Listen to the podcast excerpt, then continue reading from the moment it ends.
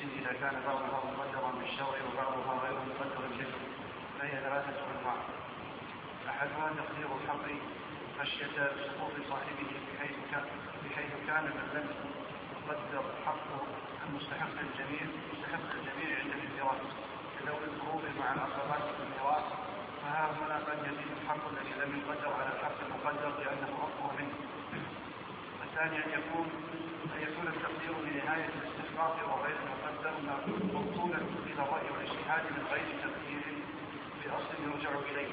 فلا يزال الحق الذي لم يقدر على المقدر ها هنا وله صور منها منها الحج والتعجيل فلا يبلغ في تعجيل الحج الحر والعدل أدنى حدودهما إلا فيما سبب الوقت فيجوز أن يبلغ عليه التعجيل في حق الحر مئة جلدة من كل مثل وقيل لا يبلغ المئة بل ينقص صوتا وفي حق العدل خمسين إلا صوتا ويجوز نقص منه على ما يراه السلطان ومنه السهم من الغنيمة وروض فلا يبلغ بروض لآدمي سهم مقدر ولا بروض لمركوب سهم مقدر النوع الثالث أن يكون أحدهما مقدرا شرعا والآخر بتقدير والآخر تقديره راجعا إلى الاجتهاد ولكنه يرجع إلى أصل ينضبط فيه هل هو كالمقدر أم لا؟ كان أحدهما واحدا لم يجاوز لم يجاوز به المقدر وفي بلوغهما خلاف. وإن كان أحدهما مختلفا فالخلاف في بلوغ المقدر ومجاوزته. فالأول فالأول كالحكومة. إذا كانت في محل مقدر في محل مقدر فلا يجاوز به المقدر وكذلك المحل في بلوغه وجهان. والثاني كثير الكل مع قيمته فإذا جاوز جاوز قيمته الدية فلا تجب قيمته بكمالها أم لا يجوز أن يبلغ بها دية الحكم فينقص منها على روايتين. وقد قد يخرج عليه ما جواز بلوغ الحكومة الأرش مقدر مطلقا سبق لنا جملة من القواعد من هذه القواعد اكتساب المال بالبضع هل هو غنى معتبر؟ أو ليس غنى معتبر كذلك أيضا ما يتعلق باكتساب المال بالصناعات وكذلك أيضا تقدم لنا قاعدتان تتعلقان بوطء الإماء والاستمتاع بهن. وكذلك أيضا تقدم لنا قاعدة المنع أسهل من الرفع وكذلك أيضا قاعدة يثبت تبعا ما لا يثبت استقلالا وكذلك أيضا تقدم لنا جملة من القواعد المتعلقة بالجناية كقاعدة الواجب في القتل عمد هل هل الواجب في القتل عمد القصاص عينا أو أن الواجب أحد أمرين؟ وذكرنا ما يتعلق بهذه القاعدة من أقسام. ثم بعد ذلك قال المؤلف رحمه الله تعالى في درس اليوم في القاعدة التاسعة والثلاثين بعد المئة. يقول المؤلف رحمه الله تعالى الحقوق الواجبة من جنس إذا كان بعضها مقدرا بالشرع وبعضها غير مقدر به فهي ثلاث أنواع.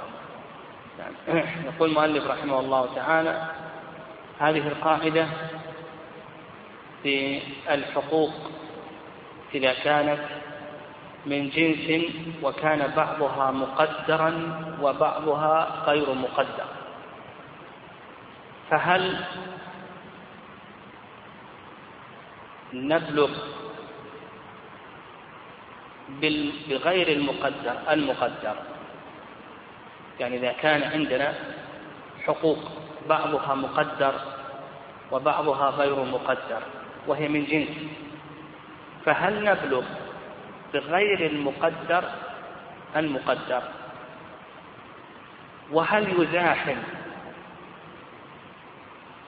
غير المقدر المقدر؟ هذا هو المراد. واضح؟ وهذا يتضح بالأمثلة نعم يتضح بالأمثلة كما سيأتينا الحد حد الزنا بالنسبة لغير المحصن مقدر. مئة مئة جلدة. فإذا فعل شيئا غير الزنا كأن استمتع بهذه المرأة. يجب عليه ماذا؟ تعزير ما يجب الحد. لكن هل نبلغ في المقدر أو لا؟ هما كلهما من جنس الوصف والاستمتاع. كلهما انتهاك حرمة هذه الأجنبية. وهذا مقدر وهذا غير مقدر. فهل نبلغ بغير المقدر المقدر؟ يعني هذا ما أراد المؤلف رحمه الله تعالى آه، أن يبينه. يعني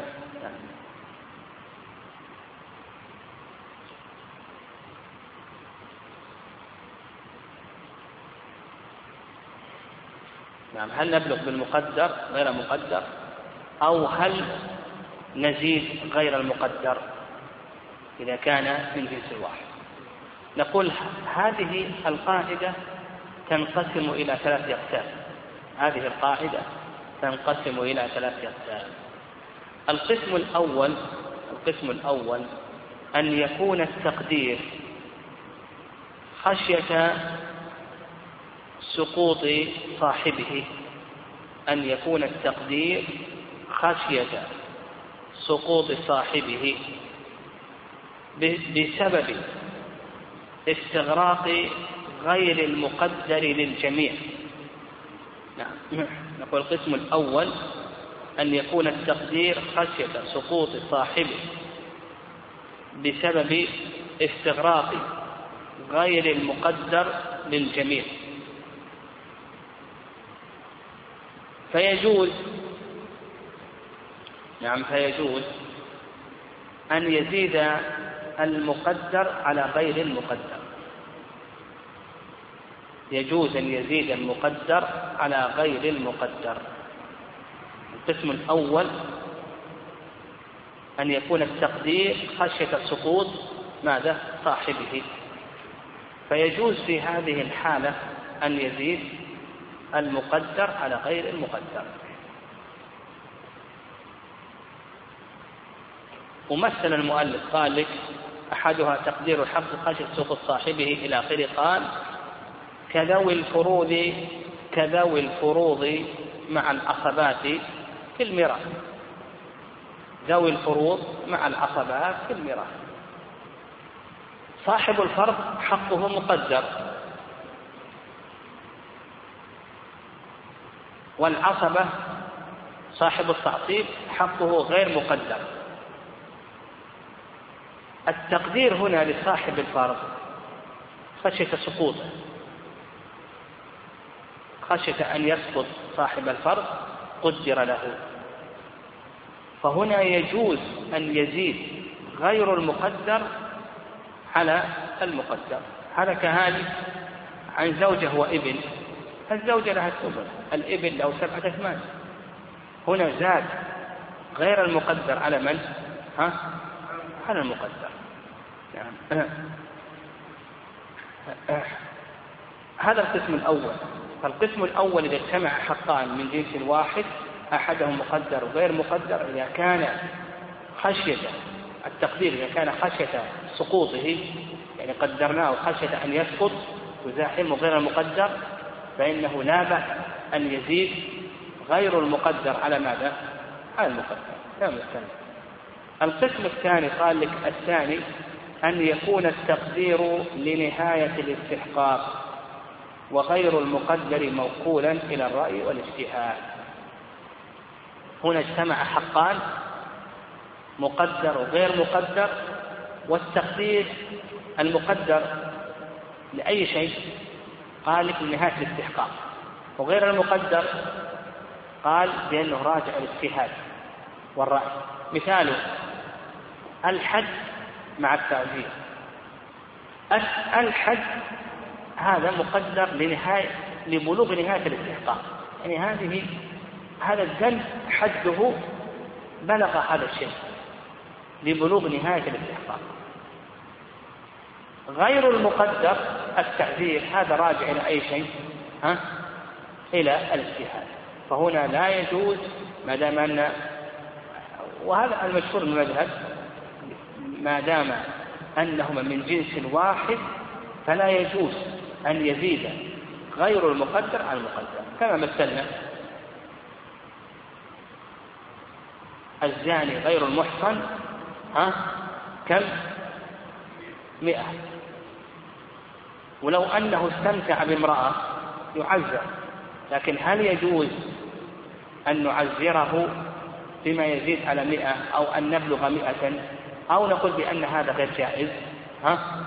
يقول لك المؤلف رحمه الله ليس جائز لكنه استثنى. قال إلا فيما سببه الوصف فيجوز أن يبلغ عليه في التعذير في حق الحر مئة جلدة بدون نسي وقيل لا يبلغ المئة بل ينقص صوتا وفي حق العبد خمسين إلا صوتا ويجوز أن ينقص منه على ما يراه السلطان. مثال ذلك إذا وطئ الأمة المشتركة الأمة المشتركة التي بينه وبين غيره لا يجوز له أن يطأها لكن لو وطئها فإنه يعذر. قال العلماء رحمهم الله يعذر بمئة صوت. ومثله أيضا لو وطئ أمة امرأته وكانت أحلتها له قالوا يعذر بمئة صوت. هنا يستثنى فالخلاصة في هذا القسم أنه إذا كان التقدير لنهاية الاستحقاق. وعدم التقدير راجع إلى الاجتهاد والرأي فإننا لا نبلغ بغير المقدر المقدر إلا كما مثل المؤلف رحمه الله فيما سببه الوصف. قال المؤلف قال ومنها السهم من الغنيمة والرد السهم ما يستحقه الغانم المجاهد.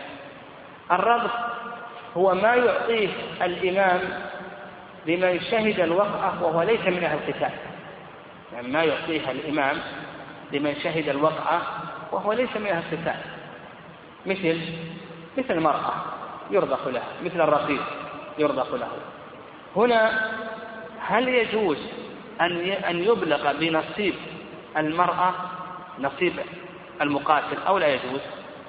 ها؟ يقول لك المؤلف لا يجوز هل يجوز أن نبلغ بنصيب البعير نصيب الخيل؟ ما يجوز. هل يجوز أن نبلغ بنصيب العبد الحر المقاتل؟ يقول لك المؤلف لا يجوز. طيب. قال لك فلا يبلغ بالربط لآدمي سهمه المقدر ولا بالربط لمركوب سهمه المقدر. المركوب مثل البعير ما يبلغ. نرضخ للبعير لكن لا يبلغ سهم من أو ما؟ الخير. لا نبلغ سهم الخير. طيب. القسم الثالث والأخير قال لك أن يكون أحدهما مقدرا شرعا والآخر راجع إلى الاجتهاد ولكنه يرجع إلى أصل يضبط به ومحلهما واحد. فلا يجوز أن يجاوز به المقدر. هذا القسم الثالث. القسم الثالث ماذا؟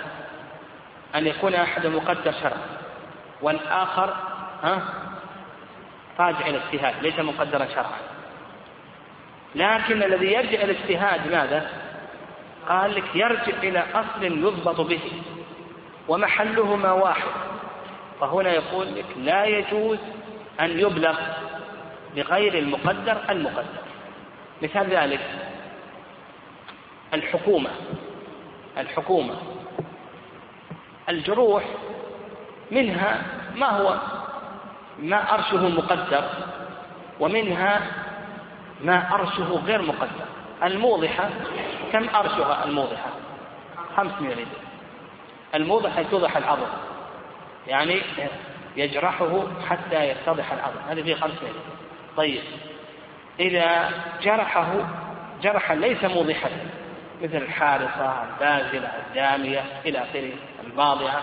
هذا وش فيه؟ فيه حكومة. الحكومة يقدر المجني عليه أنه حر وأنه رقيق وينظر يعني يقدر المجني عليه أنه رقيق. فيه الجناية ورقيق خالي من الجناية وكم الفرق بينهما؟ طيب الآن الموضحة هنا فيها خمس من الإبل. لو أنه جرحه حارثة أو باذلة هل نبلغ بهذا الجرح خمس من الإبل أو لا نبلغ خمسة من الإبل؟ ها؟ قال لك المؤلف ما يبلغ به خمسة من الإبل. واضح؟ يعني فعندنا الآن مقدر وغير مقدر وغير مقدر يرجع إلى الاجتهاد لكنه يرجع إلى أصل يضبط به. يعني يرجع إلى أصل ومحلهما واحد ها؟ فيقول لك ما نبلغ بغير المقدر ماذا؟ المقدر. طيب فإن كان محلهما غير واحد كان محلهما مختلفا. نعم. فإن كان محلهما مختلفا نعم. إذا كان محلهما قال وإن كان محلهما وإن كان محلهما مختلفا فالخلاف في بلوغ المقدر ومجاوزته فالأول كالحكومة كما تقدم. إذا كان محلهما واحد لا يبلغ بغير المقدر المقدر. نعم. والثاني إن كان محلهما واحد هذا كالحكومة. محلهما مختلف. هذا قال لك قال لك والثاني كدية الحر مع قيمة العبد فإذا جاوزت قيمته الدية فهل إلى آخره؟ هل هل تجب هذه القيمة أو لا تجب هذه القيمة؟ يعني القسم الثالث إما أن يكون محلهما واحد كالموضحة كجرح الموضحة. والحارقة دون الموضحة من الجروح فعندك الآن الحكومة لا نبلغ بها المقدم إذا اختلف محلهما اختلف محلهما. الحر ديته مئة من الإبل طيب قتل عبدا قيمة العبد الآن. ها؟ قيمته. طيب لو كانت قيمته مئة وعشرين من من الإبل هل تجب أو نقول ما نتجاوز؟ ها؟ لا نتجاوز دية الحر. الحر الآن هو حر مئة من الإبل. أما الرقيق قيمته. فنقول لا نتجاوز قيمة الحر. عندنا الآن القسم الثالث ها تحته ماذا؟ قسمان. أن يكون محلهما واحدا كما قلنا في الماء في الموضحة والحارثة أو الباضعة وإما أن يختلف محلهما كما قلنا الحر مع الرقيق. ففي الصورة الأولى إذا كان محلهما واحدا غير المقدر لا نبغ به المقدر. في الصورة الثانية فيه خلاف والصحيح أنه يبلغ غير المقدر إذا اختلف المحل نقول غير المقدر نبلغ به المقدر. قال لك بل ينقص منها على روايتين وقد يخرج عليهما جواز بلوغ الحكومة الأرش المقدر مطلقا. ها؟ أي نعم حتى لو زاد. يعني الصحيح أنه يزاد على غير المقدر طيب. القاعدة الأربعون بعد المئة. قال المؤلف رحمه الله من سقطت عنه العقوبة بإتلاف نفس أو طرف مع قيام المقتضي له المانع فإنه يتضاعف عليه الضر هذه القاعدة سهلة. وهي إذا سقطت العقوبة لتخلف شرط أو لوجود مانع يضاعف الغرب إذا سقطت العقوبة لتخلف شرط أو لوجود مانع فإننا نضاعف ماذا؟ ها؟ نضاعف الغرب مثال ذلك مثال ذلك مسلم قتل ذميا المسلم ما يقتل بالذمي قتل ذميا عمدا المسلم لا نقتله بالذمي فنضاعف ماذا؟ نضاعف عليه الدية. نقول للمسلم ما ما ما تقاتل لكن تدفع دية الذمي مرتين. مثال آخر سرق من غير حلف. يقطع أو لا يقطع لا يقطع لكنه سرق ألف دينار. يقول أعطنا ألفين. أعطنا ألفي دينار. ومثله أيضا قال لك المؤلف.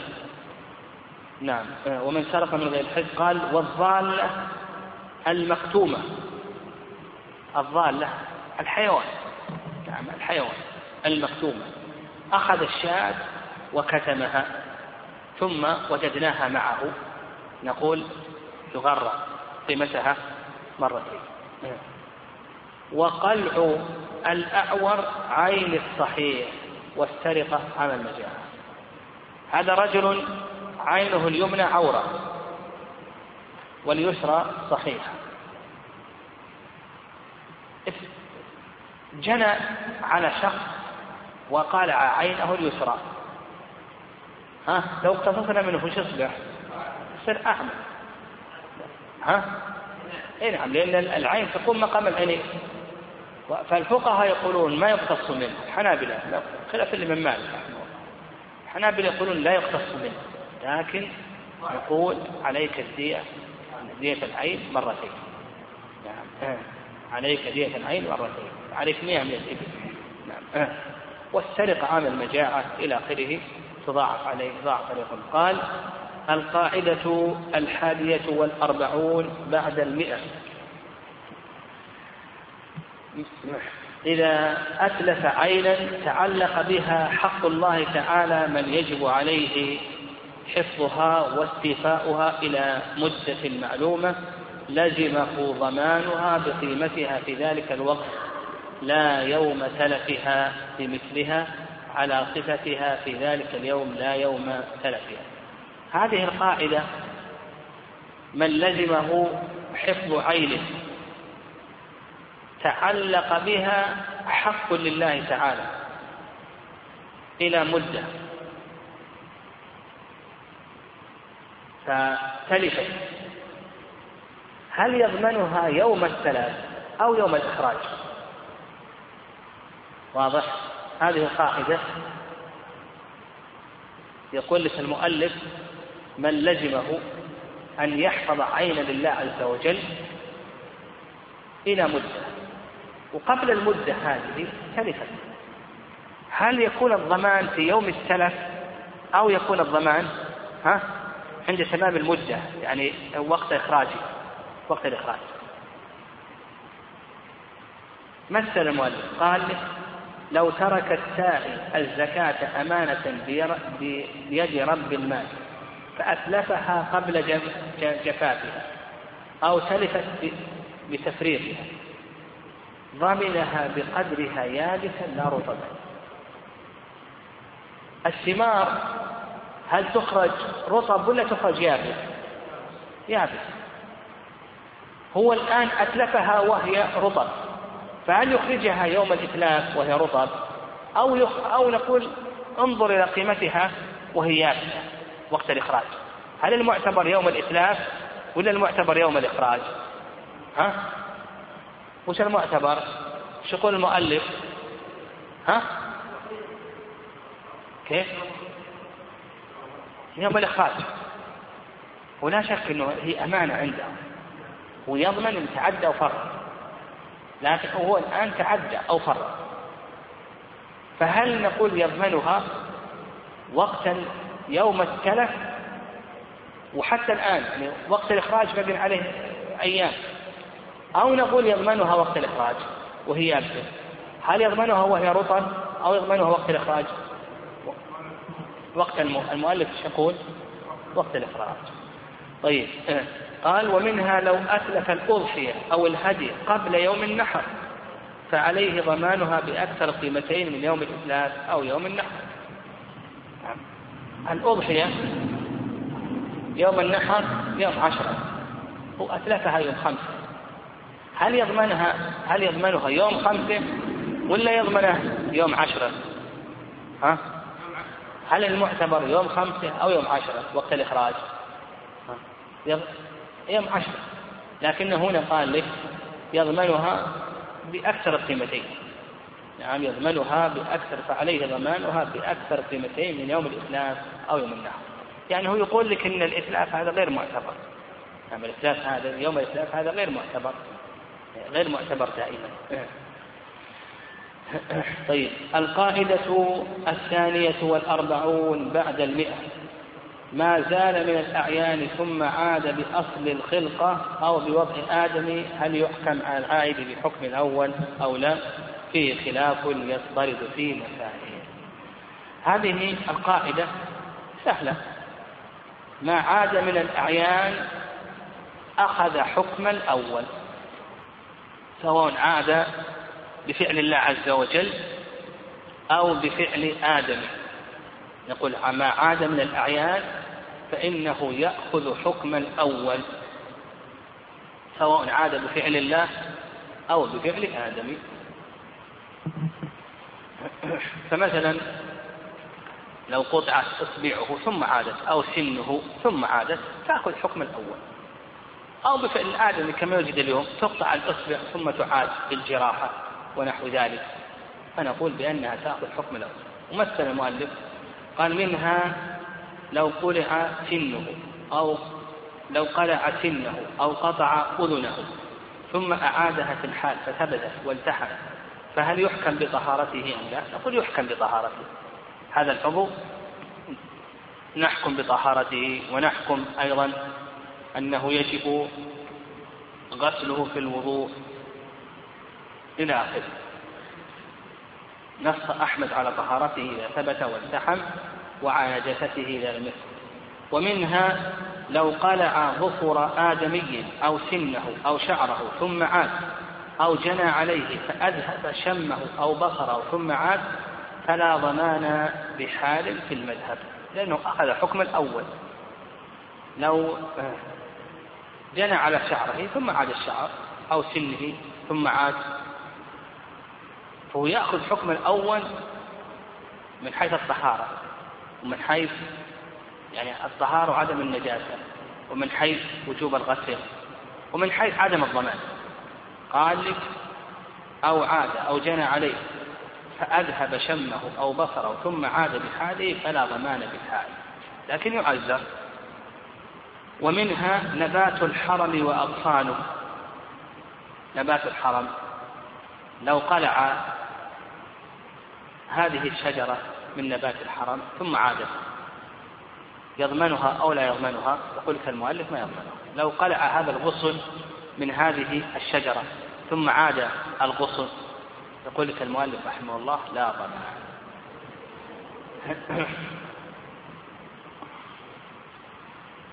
قال وانهدام الكنيسة. نعم انهدام الكنيسة. يعني إذا كانت الكنيسة تقر في في بلاد الإسلام. فإذا انهدمت هل يمكنون من إعادتها أو لا يمكنون من إعادتها؟ حتى تأخذ حكم الأول أنها تقر. المذهب لا يمكنون وفي رواية عن الإمام أحمد رحمه الله أنهم يمكنون طيب القاعدة الثالثة والأربعون بعد المئة يقوم البدل مقام المبدل ويسد مسده وينبني حكمه على حكم في مواضع كثيرة تقدم بعضها. هذه القاعدة البدل يأخذ حكم المبدل قاعدة هنا البدل يأخذ حكم المبدل وذكر المؤلف رحمه الله مسائل قل قال آه آه آه منها إذا افترق المتصارفان ثم وجد أحدهما فيما قبض عيبا وأراد الرد وأخذ بدله في مجلس الرد فهل ينتقض الصرف بذلك أم لا؟ يعني إذا حصلت المصارفة من جنس ذهب بذهب ثم وجد أحدهما بالذهب الذي أخذه عيبا ما هو العيب بالذهب؟ البياض. هو البياض هو العيب في الذهب والسواد هو العيب في الفضة. فوجد في الذهب بياضا. فإذا وجد في الذهب بياضا فأراد الرد وأن يأخذ بدله في مجلس الرد. هل يأخذ أرش ولا ما يأخذ أرش؟ ما في أرش. إذا كان التصرف في الجنس ما في أرش. لأن لو قلنا أنه يأخذ الأرش أصبح ماذا؟ ربا. عشر غرامات من الذهب عشر غرامات من الذهب. لو وجد في بعض الغرامات البياض قال أعطني أرش دراهم أو إلى آخره ما ما أصبح التساوي. لابد أن يكون يدا بيد مثلا بمثل وزنا بوزن. يعني هنا الآن أراد الرد. وأخذ بدله في مجلس الرد فهل هذا أخذ الآن أراد أنه يرد الذهب الأول ويأخذ الذهب الثاني؟ واضح؟ هل نقول بأنه انتقض الصرف الأول وقام الثاني مقامه؟ أو نقول نفسه حتى الآن موجود هو لكن حصل رد المعيب ها؟ هل نقول العقد الأول قام أو نقول هناك عقد آخر وجد وقام مقام الأول يأخذ بدله في وجود التقابل نعم هذا أراد أن يؤلف أن يذكره المؤلف يعني إذا قلنا بأن العقد الأول انتهى والعقد الثاني قام مقامه فإن هذا البدل يأخذ حكم المبدل في وجود في وجوب ماذا؟ التقابل. طيب قال ومنها إذا حضر الجمعة من أهل وجوبها ثم تبدلوا في أثناء الخطبة بمثلهم إن عقدت الجمعة والخطبة وتمت به البدل يأخذ حكم المبدل عندنا أربعون هم أهل الجمعة. تبدلوا بغيرهم يأخذون حكمهم وتصح الجمعة. عندنا أربعون في أثناء الخطبة. ذهب الأربعون الأولون وخالفهم غيرهم. إيش نقول هنا؟ البدل يأخذ حكم المبدل وتصح الجمعة. وتمت قال إبدال النصاب بغيره. إذا أبدل النصاب بجنسه. خمس من الإبل أبدلها بخمس من الإبل الإبل. نقول البدل يقوم مقام المبدل. في الحول. الخمسة الأولى مضى لها ستة أشهر ثم أبدلها بخمس ثانية. ها؟ نقول البدل يأخذ حكم المبدل في تمام الحول. فالثانية الآن أصبح لها الآن ستة أشهر. صح. والمصحف المصحف إذا أبدله بغيره نعم البدل نقول يأخذ حكم نعم يأخذ حكم المبدل. مع أن المذهب ما يجوزون بيع المصحف لكنهم يقولون إذا أبدله بمصحف آخر جاز هذا والبدل يأخذ حكم المبدل وجلود الأضاحي جلود الأضاحي ما يجوز أن تبيعها لكن إذا أبدلتها بجلود أخرى جاز ذلك والبدل يأخذ حكم المبدل في الانتفاع. نعم في الانتفاع بها. نعم لا بأس أنك تنتفع بها. أو أبدلت جلود الأضاحي بشيء من آلات البيت الأواني يقول يجوز. وتأخذ حكمة تأخذ حكمة أنها ما تباع لكن ينتفع بها. أنها لا تباع لكن ينتفع بها. قال والأضاحي والهدي بخير منها. يعني لا بأس إذا أبدلت الأضحية بخير منها جاز والبدل يأخذ حكم المبدل. فتكون هذه أضحية وتأخذ حكم الأضحية في الزكاة والتوزيع نحو ذلك. وإقرار الوارث للمضارب مثل ذلك الوقف البدل يأخذ حكم المبدل إذا كان عندنا وقف ورأينا أن بيعه أصلح وبعناه فنقول البدل يأخذ حكم المبدل بأنه يكون وقفا بمجرد الشراء لا يباع ولا يوهب ولا يرى وتصرف غلته حسب شرط الواقع. ومثله أيضا قال وإقرار الوارث للمضارب. البدل يأخذ حكم. إذا مات المضارب إذا مات المضارب ها؟ وش حكم عقد المضاربة؟ ينفسخ لكن نعم ينفسخ لكن لو أن الوارث أقر المضارب ها؟ فنقول البدل يأخذ حكم المبدل يعني حسب ما حصل من الاتفاق. قال القاعدة الرابعة والأربعون بعد المئة فيما يقوم فيه الورثة مقام مورثهم من الحقوق وهي نوعان حق له وحق عليه. نعم هذه القاعدة قيام الوارث مقام المورث فيما له وعليه من الحقوق.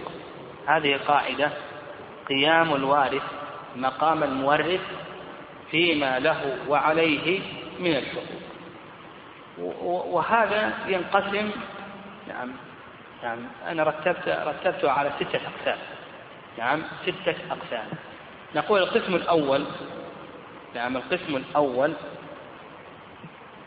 ما وجب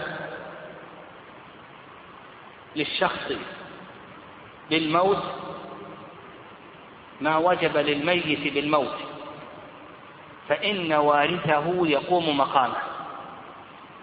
ما وجب للميت بالموت فإن وارثه يقوم مقامه. مثل المؤلف قال فما كان من حقوقه يجب بموته كالدية والقصاص في النفس والصلح عن القصاص. فلا ريب في أن لهم استيفاءه يقومون مقامه يستوفون القصاص يستوفون الدية. يعني يستوفون القصاص يستوفون الدية.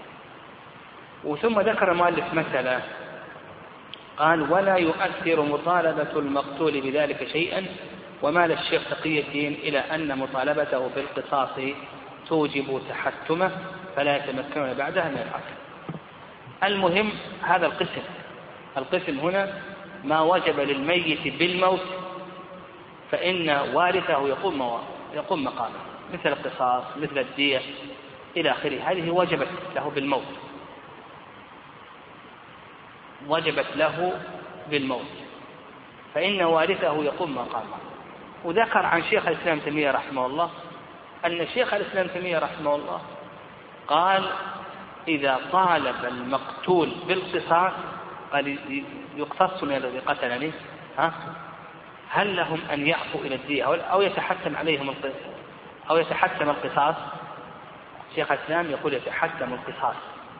وليس لهم خيار في أن يعفوا عن الدية أن يعفوا إلى الدية طيب. القسم الثاني ما طالب به الشخص في حياته. ما طالب به الشخص في حياته. أو كان في يده قام مورثه مقامه. ما طالب به الشخص في حياته أو كان في يده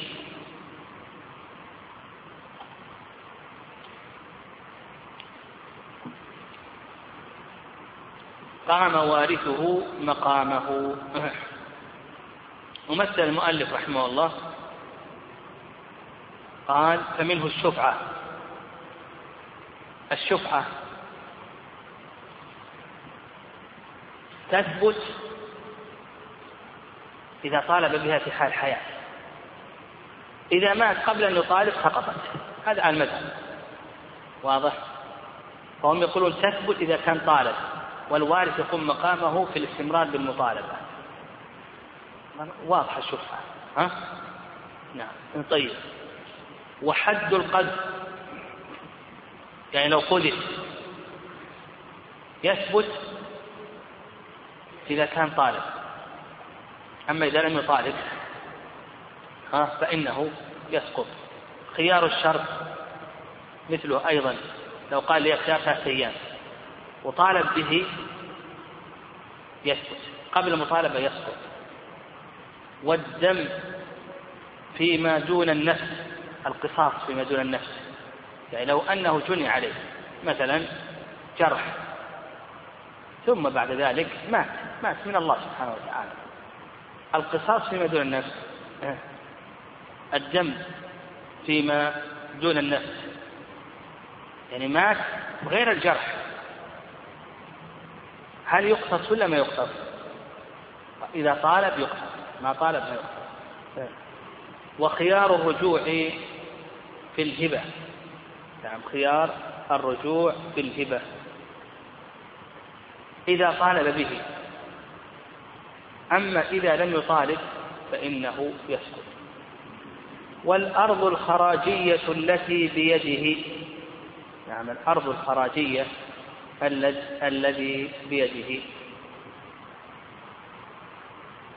هذا هذه بيده. الأرض الخراجية هذه بيده. فالوارث يقوم مقامه. نحن قلنا في القسم ما طالب به الشخص في حياته أو كان في يده. الأرض الخراجية في يده. فالوارث يقوم مقامه. وحصة المضارب من الربح يعني حصة المضارب من الربح.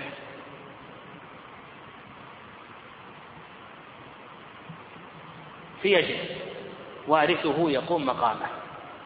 يعني حصة المضارب من الربح. يعني في يده فوارثه يقوم مقامه. والصحيح في هذه المسائل هل نقول الصحيح في هذه المسائل أنه ما تشترط المطالبة. يعني الشفعة وحد القذف وخيار الشرط والدم فيما دون النفس وخيار الرجوع في الهبة إلى آخره. الصواب أنه ما تشترط المطالبة. لكن المذهب هنا يشترطون ماذا؟ ها؟ يشترطون المطالبة. الصواب أنه لا تشترط المطالبة. طيب القسم الثالث ما لم يطالب به من حقوق التمليكات والحقوق غير المالية ما لم يطالب به من حقوق التمليكات والحقوق غير المالية. هذا القسم الثالث. هذا فيه خلاف. قال لك المؤلف حقوق التمليكات والحقوق التي ليست مالية كالقصاص يعني فيما دون النفس. وحد وحد القذف ففيه قولان في المذهب أشهرهما أنه لا يورث والصحيح يعني هم يقولون القصاص فيما دون النفس إذا لم يطالب به يورث أو لا يورث ها؟ لا يورث. حد القذف إذا لم يطالب به لا يورث. يعني الشفعة قال لك أيضا الحقوق غير المالية مثل الشفعة ها؟ إذا لم يطالب بها تورث أو لا تورث يقول لا تورث حق الفسخ بخيار الشرط حد القذف الرجوع في الهبة والقصاص فيما دون النفس والخيار في قبول الوصية. هذه يقولون بأنها لا تورث إلا إذا طالب بها. والصحيح كما قلنا ها أنه لا تشترط المطالبة. يعني هذا حق ثبت له. الصواب أنها تورث. أن الشفعة تورث حق الفسق بخير شرط يورث حد القذف يورث الرجوع في الهبة إذا جاز الرجوع فيها نقول بأنه يورث القصاص في مدن النفس يورث الخيار في قبول الوصية يورث. لأن الله سبحانه وتعالى قال ولكم نصف ما ترك أزواجكم. وهذا يشمل كل ما تركه الأزواج من أعيان مالية وحقوق مالية واختصاصات إلى آخره. طيب القسم الرابع. ما كان من حقوق مالية فإن وارثه يقوم مقامه وإن لم يطالب بها. وهذا واضح. ما كان من حقوق مالية فإن وارثه يقوم مقامه وإن لم يطالب بها.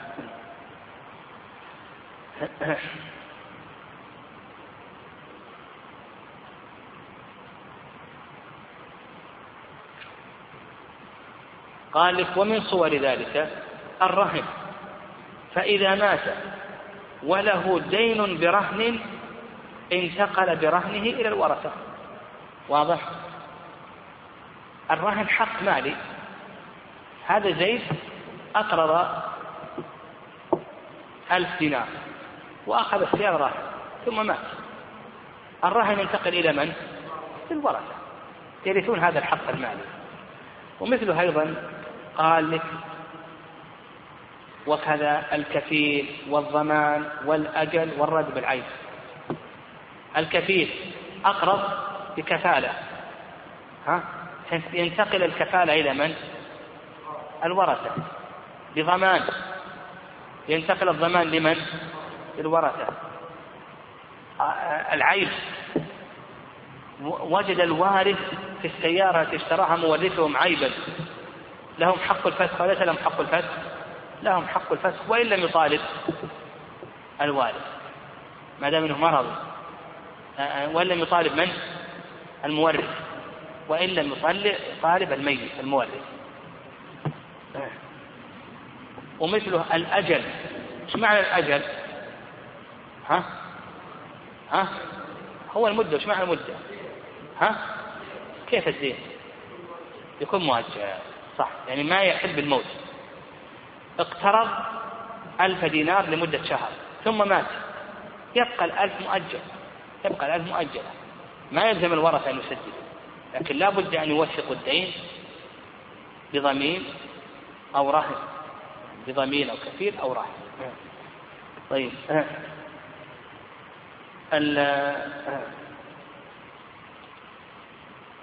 القسم الخامس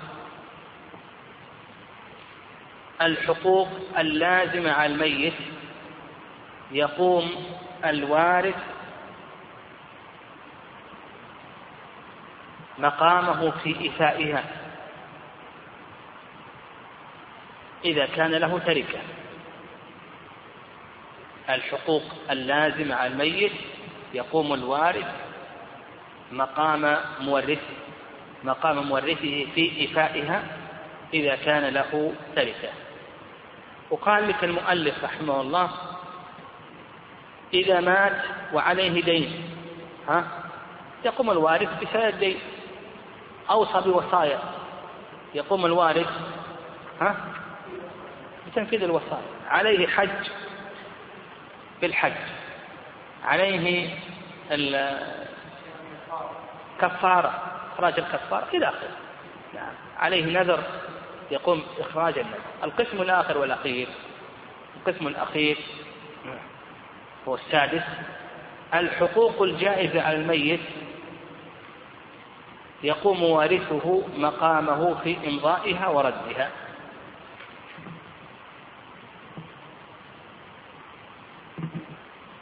الحقوق الجائزة على الميت.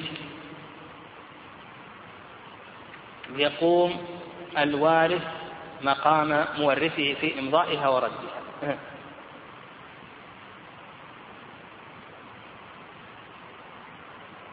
مثال ذلك قال لك أو الواهب قبل إقباضها.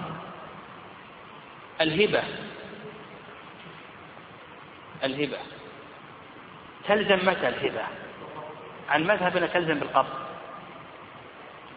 فيقول لك المؤلف رحمه الله تعالى ما دام الناس حتى الآن الموهوب له لم يقبض الهبة فيجوز الفسخ الوارث يقوم مقام الميت المورث في فسخ الهبة أو إلغائها بإقباض الهبة ما دام إنها ما قبضت فهي حق ماذا؟ حق جائز الوارث يقوم مقامه في إقباضها أو ماذا؟ أو فسخها وأيضا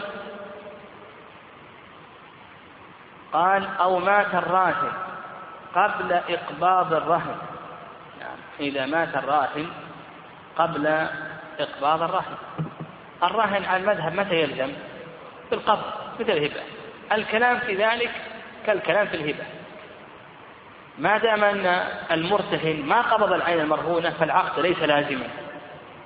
وعلى هذا لو مات الراهن فإن وارثه يقوم مقامه. إن شاء أقبض ولجد وإن شاء آه، ما أقبض لأنه ليس لازما حتى الآن ليس لازما فالقسم الأخير الحقوق الجائزة التي ليست لازمة هذه يقوم الوارث في إمضائها أو ردها كما مثلنا كإقباض الهبة وإقباض الرهن إلى آخره.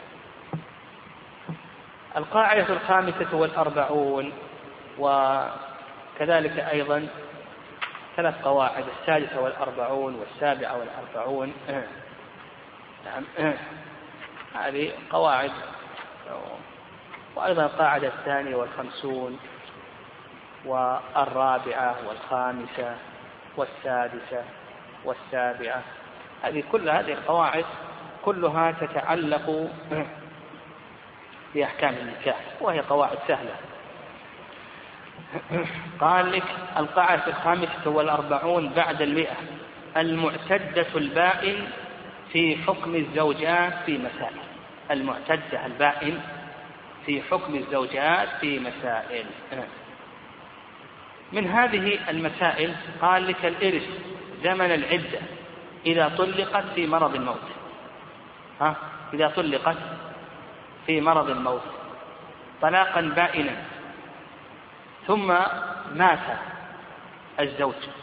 ترث أو لا ترث نعم يعامل بنقيض قصده إذا طلقها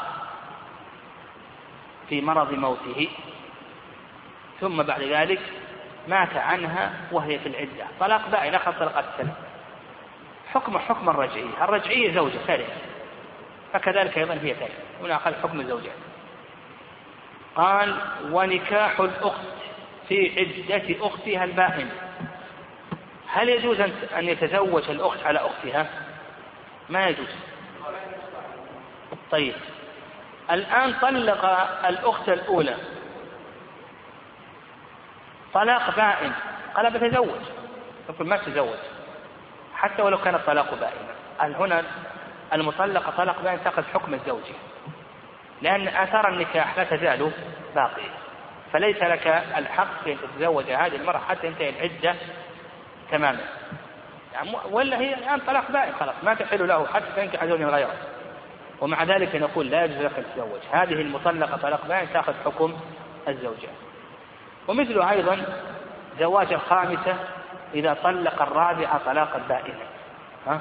هل يتزوج الخامسة وليس له ذلك؟ نقول ليس له ذلك. والعدتان من رجلين لا يتداخلان. لو أن هذا الرجل وطئ هذه المرأة بشبهة ثم جاء شخص ووطئها بشبهة. هذا هذا له عدة وهذا له عدة. هذا عن مذهب كل منهما له عدة. هل يتداخلان أو لا يتداخلان؟ يقول لك المؤلف رحمه الله لا يتداخلان تتم عدة الأول ثم تستأنف عدة الثاني. طيب. القاعدة السادسة والأربعون بعد المئة. تفارق المطلقة الرجعية الزوجات في مسائل الرجعية حكم حكم ماذا؟ حكم الزوجات. كسائر الزوجات. ودليل ذلك قول الله عز وجل وبعولتهن أحق بردهن في ذلك. وبعولتهن أحق بردهن في ذلك. فسمى الله عز وجل المطلقة فعلا مما يدل على أن أن الرجعية تأخذ حكم الزوج ولهذا لها النفقة ولها الكسوة ويجوز أن ينظر إليها وأن يسافر بها وأن يخلو بها وأن تتجمل له وإذا مات عنها ها تعتد عدة وفاة إلى آخره. فهي في حكم يعني وترث فهي في حكم الزوجات يعني في حكم إلا في مسائل قال منها أن في إباحتها في زمن عدة روايتين هل هي مباحة أو ليست مباحة رجعية؟ يعني هل لزوجها أن يطعها أو ليس له أن يطعها المذهب يطعها له أن يطعها وأنها مباحة. لكن إذا وطئها أصبحت هذه مراجعة. يكون يطأ وإذا وطئ أصبحت مراجعة. وطلاق وطلاق زمن العدة طلاق بدعة وطلاق زمن العدة وطلاقها زمن العدة طلاق بدعة. الرجعية إذا طلقت في زمن عدة فإن طلاقها طلاق بدعة. يعني إذا قال لزوجته أنت طالق الآن بدأت في العدة. كونه يقول أنت طالق ثاني هذا طلاق بدعة. ما يجوز. يعني كون يقول أنت طالق ثانية هذا طلاق بدعة. يعني وهذا يخفى على كثير من الناس. لأنه الآن لما قال أنت طالق إذا قلنا بأن الطلاق واقع بدأت الآن في العدة فقوله أنت طالق ثانية هذا طلاق بدعة. فالسنة أن يتركها حتى تنتهي عدتها. هذا طلاق السنة. يطلق في طهر لم يجامع فيه ثم يتركها حتى تنتهي عدتها وتكون طلقة واحدة. فطلاقها في زمن العدة هذا طلاق بدعة. كما لو طلق الزوجة في طهر أصابها فيه أو فهي تأخذ أحكام الزوجة أو طلقها في حال حيض. وهل يصح الإلاء منها؟ كذلك أيضا هل يصح الظهار منها؟ هل يصح؟ نقول يصح الإلاء منها لأنها زوجة. هل يصح الظهار منها؟ نقول نعم يصح الظهار منها لأنها زوجة. ومتى تسقط الحضانة؟ يعني لو أنها تزوجت لو طلق زوجته ثم تزوجت سقطت حضانتها لم تسقط حضانتها؟ سقطت حضانتها طيب لو أن الزوج الثاني طلقها هل تعود الحضانة في الطلاق أو لابد من انتهاء العدة؟ أيوة إذا قلنا بأنها زوجة ما ما تعود الحضانة. يعني حتى الآن هي زوجة للثاني. إذا قلنا بأنها زوجة لا تعود الحضانة لأن لأن حتى الآن هي زوجة للثاني. وإن قلنا بأنها ليست زوجة ها؟ ما تأخذ حكم الزوجات؟ عادت حضانتها. ومثله أيضا لو قال هذا وقت على المطلقات. قال هذا وقف على المطلقات. طلق زوج شخص طلق زوجته.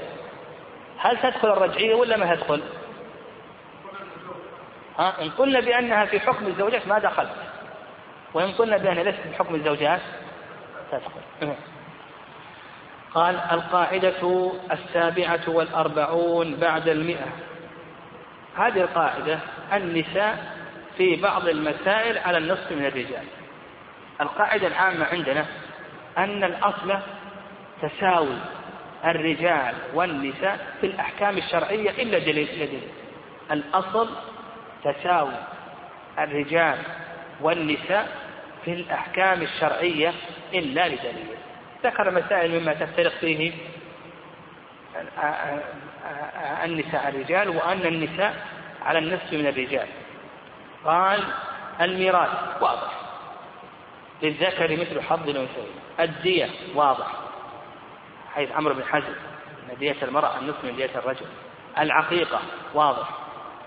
المرأة الأنثى شاة و حيث قرص والذكر شاتان. الشهادة ها؟ على النصف. الشهادة على النصف.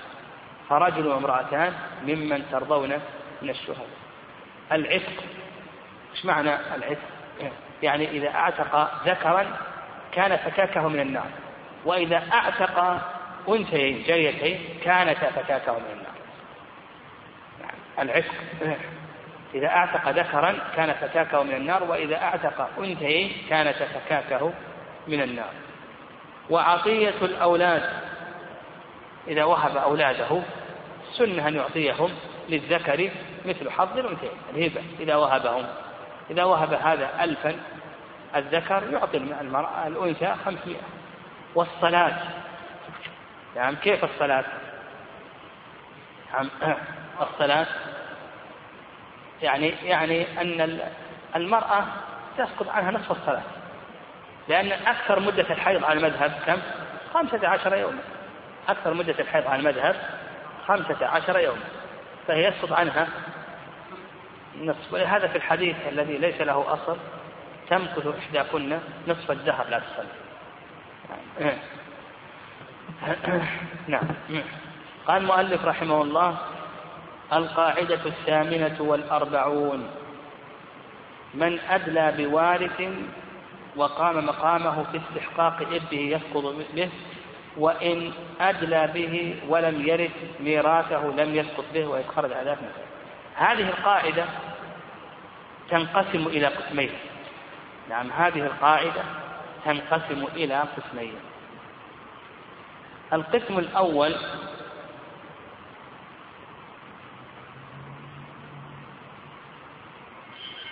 يعني القسم الأول أن من أدلى بوارث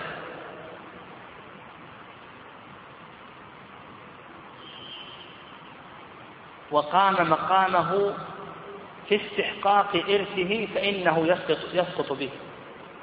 من أدلى بوارث وقام مقامه في استحقاق إرثه فإنه يسقط به.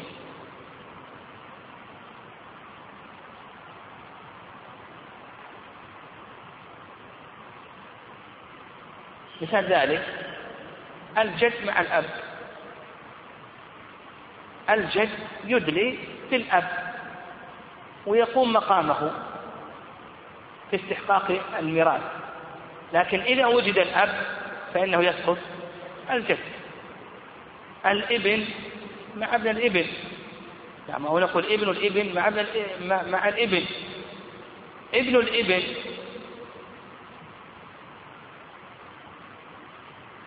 نعم ابن الإبن يدلي بمن؟ بالابن ويقوم مقام الابن ويستحق ميراثه. لكن إذا وجد الابن فإنه يستحق.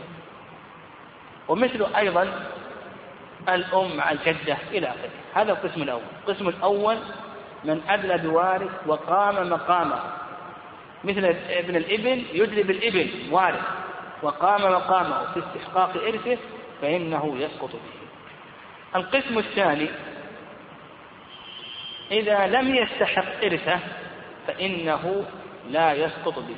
يعني إذا لم إذا كان لا يقوم مقامه في استحقاق إرثه فإنه لا يسقط به. وهذا مثل قال لك أولاد الأم مع الأم. أولاد الأم مع الأم يدلون بأي شيء؟ بالأم. إذا ذهبت الأم ما يستحقون ميراثها. هلك هالك عن أم هلك هالك عن أخ لأم وعن زوج. الزوج كم يأخذ زوج. نصف. والأخ لأم سدس. ما في أم ما يأخذ ميراث. نعم لا يأخذ ميراث. لو كان في أم أخذت الثلث هنا. ما في أم ما يأخذ ميراثه طيب. وهل تسقطهم الأم أو لا تسقطهم؟ نقول بأنها لا تسقطهم. فالأم مع الإخوة لأم يرثون. الإخوة لأم مع الأم نقول بأنهم يرثون. فالقسم الثاني من أدلى بوارث ولم يرث ميراثه فإنه لا يسقط به. كما قلنا الإخوة لأم مع الأم. الإخوة لأم يدلون بالأم ومع ذلك نقول بأن الأم لا تسقطهم فيرثون مع وجود الأم طيب قال لك والجدة أم الأب معه. الجدة أم الأب ترث مع الأب هي تدلي بالأب لكنها ما تستحق ميراثه. وعلى هذا إذا وجد جدة أم الأب. مع الأب نقول بأنها ترث ولا يسقطها من هو؟ الأب. طيب. القاعدة التاسعة والأربعون بعد المئة. منها من له وارث إلى آخره. هذه القاعدة نقول الحق الثابت لمعين يخالف الحق الثابت لغير معين في أحكامه.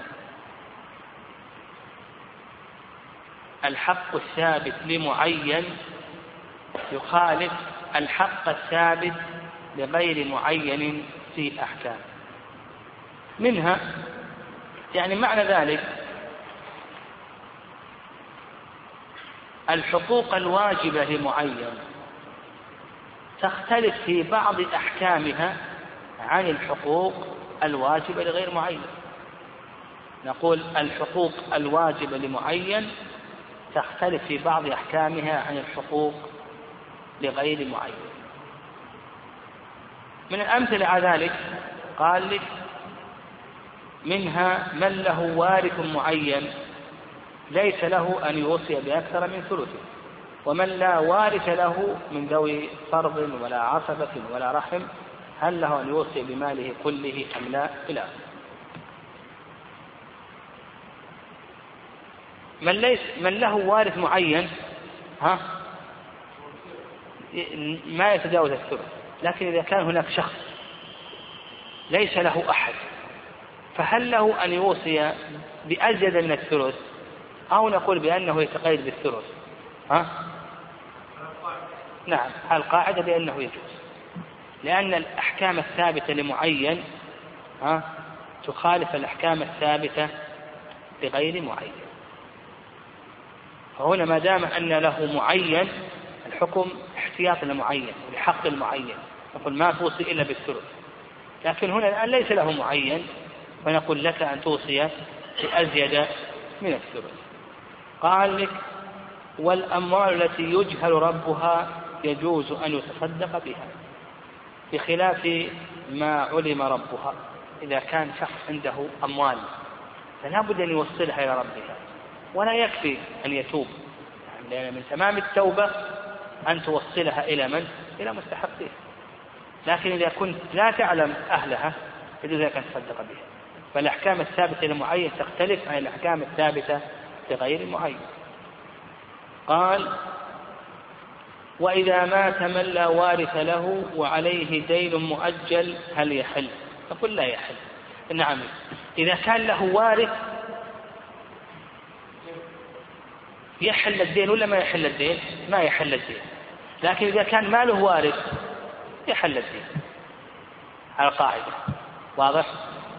الأحكام الثابتة للمعين تختلف عن الأحكام الثابتة لغير معين. إنسان عليه دين مؤجل لمدة سنة ومات. نقول إذا كان له وارث ها؟ لا يحل الدين. ما يطالب. التأجيل حق يرثه الورثة لكن إذا ما كان له وارث ها نقول بأنه يحل قال ومنها أن المال المستحق لغير معين لا يقف أداؤه على مطالبتهم ولا وكيلهم كالزكاة. نعم الزكاة لها مستحق وهم الفقراء لكن هل هم معينون أو ليسوا معينين؟ أي ليسوا معينين. فيجب أن تؤديه وإن لم يكن لك مطالبة منهم ولا من وكيلهم وهو الإمام. وكيلهم الإمام. يجب عليك أن تؤديه. نعم. وإن لم يطالبهم أو وكيلهم الذي هو الإمام. قال المؤلف رحمه الله القاعدة الخمسون بعد المئة تعتبر الأسباب في عقود التمليكات كما تعتبر في الأيمان. نعم. تعتبر الأسباب في عقود التمليكات كما تعتبر في الأيمان.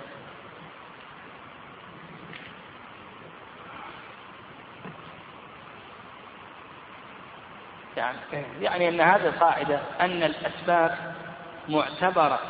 أن الأسباب معتبرة في الحكم على عقود التمليكات كما أنها معتبرة في الحكم على الإيمان. أن الأسباب معتبرة في الحكم على عقود التمليكات كما أنها معتبرة في الحكم على الإيمان. قال منها العينة. وش سبب العينة؟ ما هو السبب الحامل على العينة؟ إيش؟ مسألة العينة. ها؟ العينة حصول النقد فأصبحت العينة لما كان السبب حصول النقد أصبحت موصولة الربا. لأن أصبحت دراهم بدراهم بينهما سيارة فالسبب هنا معتبر. كما أن السبب في الأيمان معتبر. وش مثال السبب في الأيمان؟ وجد نعم. مثلا قال والله لا أدخل هذا البلد. وش السبب إنك حلفت؟ قال لي أنت منكر فلان. زال المنكر ودخله. يحنث ولا ما يحنث؟ لا يحنث. السبب معتبر هنا. وجد زوجته تكلم شخصا فقال أنت طالق. طيب ليش طلقت؟ قال لنا تكلم أجنبي. تبين ما تكلم أجنبي وأنها تكلم من ذوي أرحامها. ها؟ تطلق ولا ما تطلق؟ ما تطلق. السبب في الأيمان معتبر. كذلك أيضا السبب في عقود التمليكات معتبر. العينة العينة هو يشتري السيارة ثمن مؤجل ويبيع على اللي اشتراها منه ويأخذ خمسين ألف بستين ألف. السبب هو ماذا؟ الحصول على النقد. فأصبحت دراهم بدراهم. مو بالحصول ولذلك الآن صور العينة في البنوك كثيرة. يعني لو تأملت هذه الصور تجري الآن في المصارف وش السبب؟ كله حصول نقد. يضعون سلع وتدور الأموال وأصبحت دراهم بدراهم. يعني فيقول لك المؤلف الأسباب في عقود التمليكات معتبرة. ما دام السبب الحصول على النقد أصبحت الآن كأنها صور عينة. ولهذا شيخ الإسلام تيمية رحمه الله يحرم بيع التورق. يرى أن بيع التورق محرم. مع أن بيع التورق تشتري أنت السيارة ما تبيع على اللي باع عليك ثمن واجب تبيع على شخص آخر. تأخذ الدراهم.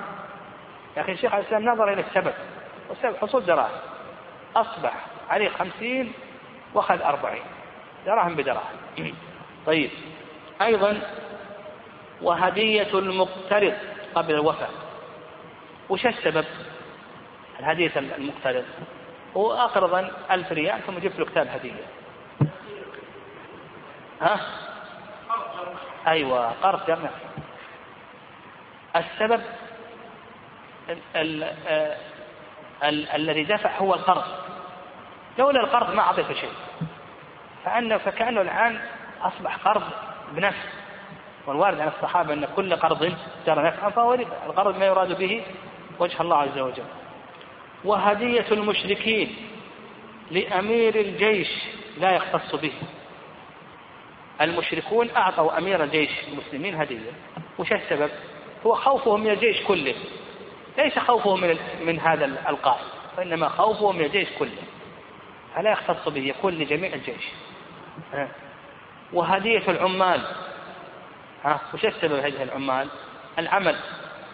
النبي صلى الله عليه وسلم في الحديث هدايا العمال غلول كما ورد عن الصحابة رضي الله تعالى عنهم. وهديته لمن يشفع له عند السلطان. لأن المقصود بهذه الهدية إزالة الظلم. وإزالة الظلم واجب يجب أن تعاوض عليه. ولهذا أخذ الهدية على الشفاعة. وش حكمه؟ ها؟ بعض العلماء قال لا يجوز. لكن شيخ الإسلام قال بأنه ينقسم إلى قسمين. القسم الأول شفاعة واجبة كرفع ظلم أو إحقاق حق فهنا لا يجوز أن تأخذ هدية على هذه الشفاعة لأن الظلم يجب إزالته. والقسم الثاني شفاعة غير واجبة شفعت له بزواج بشراء أرض بوظيفة المهم ليست واجبة. نعم ليست واجبة. وأعطاك هدية فهذا الشيخ الإسلام يقول بأن هذا جائز ولا بأس. طيب القسم طيب القاعدة الحادية والخمسون بعد المئة. القاعدة الحادية والخمسون بعد المئة. هذه القاعدة قال لك دلالة الأحوال تختلف بها دلالة الأقوال في قبول دعوى ما يوافقها ورد ورد ما يخالفها وترتب عليها أحكام هذه القاعدة خلاصتها أن دلالة الأحوال تؤثر في قبول أو رد دلالة الأقوال.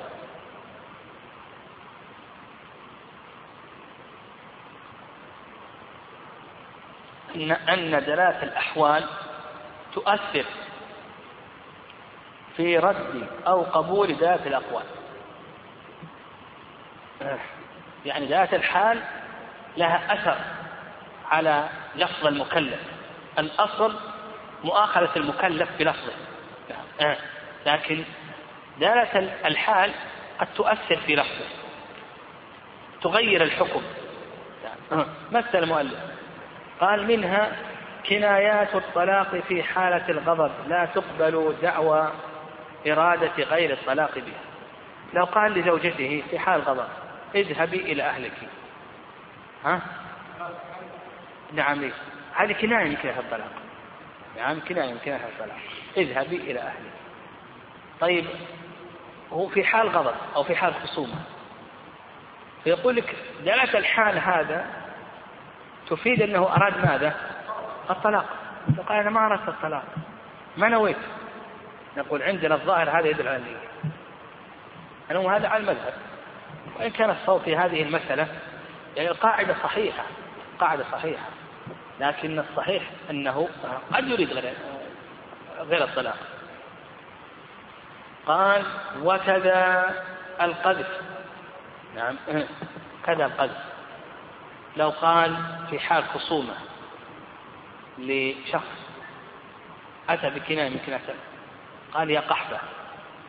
هذه من كناية القذف القحبة تطلق على الرمي بالزنا وتطلق على السعال. لكنه في حال غضب أنا أردت السعال. يقبل منه ما يقبل. ما دام إنه في حال الخصومه هذا يدل على إنك أردت ماذا؟ ها؟ الرمي بالزنا. نعم. وكذلك أيضا وتلفظ الأسير بكلمة الكفر. ثم ادعى أنه كان مكرها. يقبل قوله ولا ما يقبل قوله؟ يقبل قوله.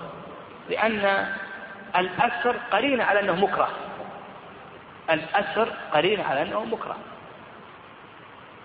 قال لك ولو أتى الكافر بالشهادتين على طريق الاستهزاء أو الحكاية وقال لم أرد الإسلام أداة الحال على صدقه فهل يقبل منه على روايتين؟ لو أتى الكافر بالشهادتين على طريق الاستهزاء أنا ما أردت الإسلام. ودالة الحال تدل على أنه ما أراد الإسلام. ها؟ على صدقه أنه يستهزئ أو يحكي شخصا. يقبل منها أو لا يقبل؟ يقبل. هو الأصل لما تلفظ بشهادتين أنه يأخذ أحكام المسلم.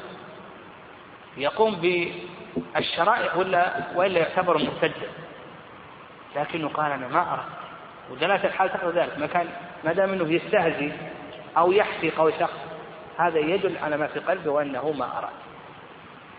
قال ومنها إجابة المكره لما دعي إليه من إقرار وغيره. قال أنا ما أردت إجابة المكره. قال أنا ما أردت. إجابة المكره لما دعي إليه من إقرار وغيره. أقر قال أنا مكره. نقول جاءت الحالة الإكراه الحبس والضرب ها كلها تدل على ماذا؟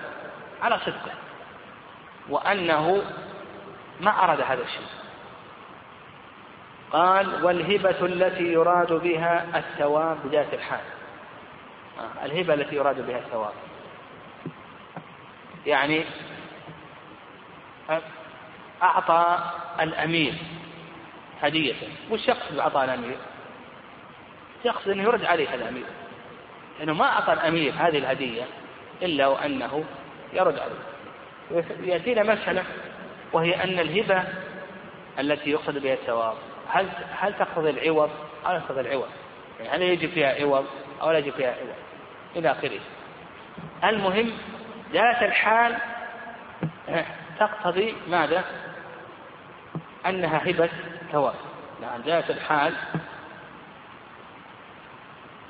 تقتضي الثواب. وتنازع الزوجين ونحوهما متاع البيت فلكل ما يصلح.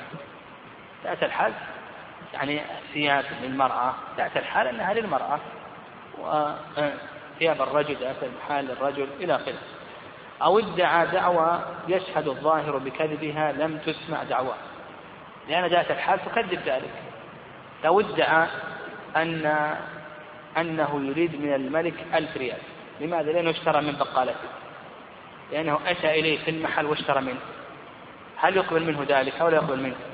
ها؟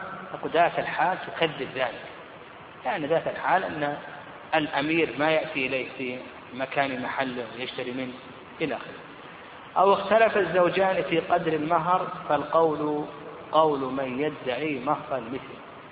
يعني لأن جاءت الحال تؤيد ذلك وأن المرأة تمهر بمهر المثل.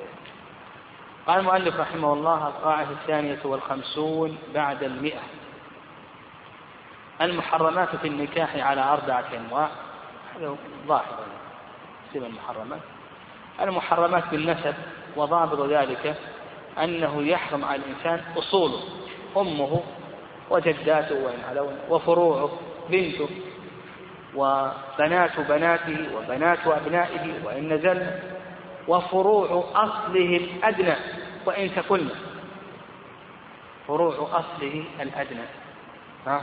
وش المقصود هنا؟ فروع أصله الأدنى. يعني فروع أمه وفروع أمك شو تصير؟ خواتك. وإن نزلنا بنات خواتك. وإن سفلنا طيب فروع أصله الأعلى بنات الجدة. خالاتك لكن فروع بناتهن. ها؟ يحرمن أو لا يحرمن؟ لا يحرم. نعم لا يحرم. فقول فروع أصله الأدنى يخرج فروع أصله الأعلى. فروع أصلك الأعلى يحرم الفروع دون ما تناسل منهن. منهن. وفروع ولهذا قال لك وفروع أصوله البعيدة دون بناتهن. وفروع أصوله البعيدة دون بناتهن. قال النوع الثاني المحرمات بالطهر وهن قالب الزوجين وكلهن حلال إلا أربعة أصناف حلائل الآباء تحرم بالعقل. زوجة الأب وإن علا زوجة كل أب وكل جد وإن علا من قبل الأم أو من قبل الأب هذه محرمة عليك إلى يوم القيامة. مجرد العقل. والأبناء كل ابن لك وإن نزل أبناؤك وأبناء أبنائك وأبناء بناتك بمجرد أن يعقد على هذه المرأة حرمت عليك ليوم القيامة. وأمهات النساء الأم وجداتها للمرأة ماذا؟ تحرم مجرد العقد يوم القيامة. وبنات النساء المدخول بهن. الربيبة لا تحرم إلا بالدخول. قال النوع الثالث المحرمات بالجمع. فكل امرأتين بينهما رحم محرم يحرم الجمع بينهما بحيث لو كانت إحداهما ذكرا لم يجز له التزويج بالأخرى لأجل النسب دون الصهر نعم لأجل النسب. يعني يحرم الجمع لأجل النسب دون الصهر. وش مثال الصهر؟ يعني إذا كان التحريم لأجل الصهر ما يحرم الجمع. يعني يجوز لك أن تجمع بين امرأة شخص وبين ابنتها من غيرها. من غيرها. واضح؟ يعني تتزوج هذا رجل تزوج هذه المرأة وله بنت من غير هذه المرأة.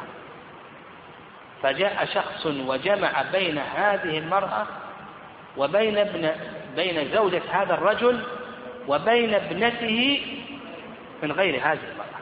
ولهذا قال لك المؤلف دون الصهر لكي يخرج هذه الصورة. واضح؟ لكن في النسب ما يجوز أن تجمع. امرأة وبنتها في النسب ما يجوز أن تجمع.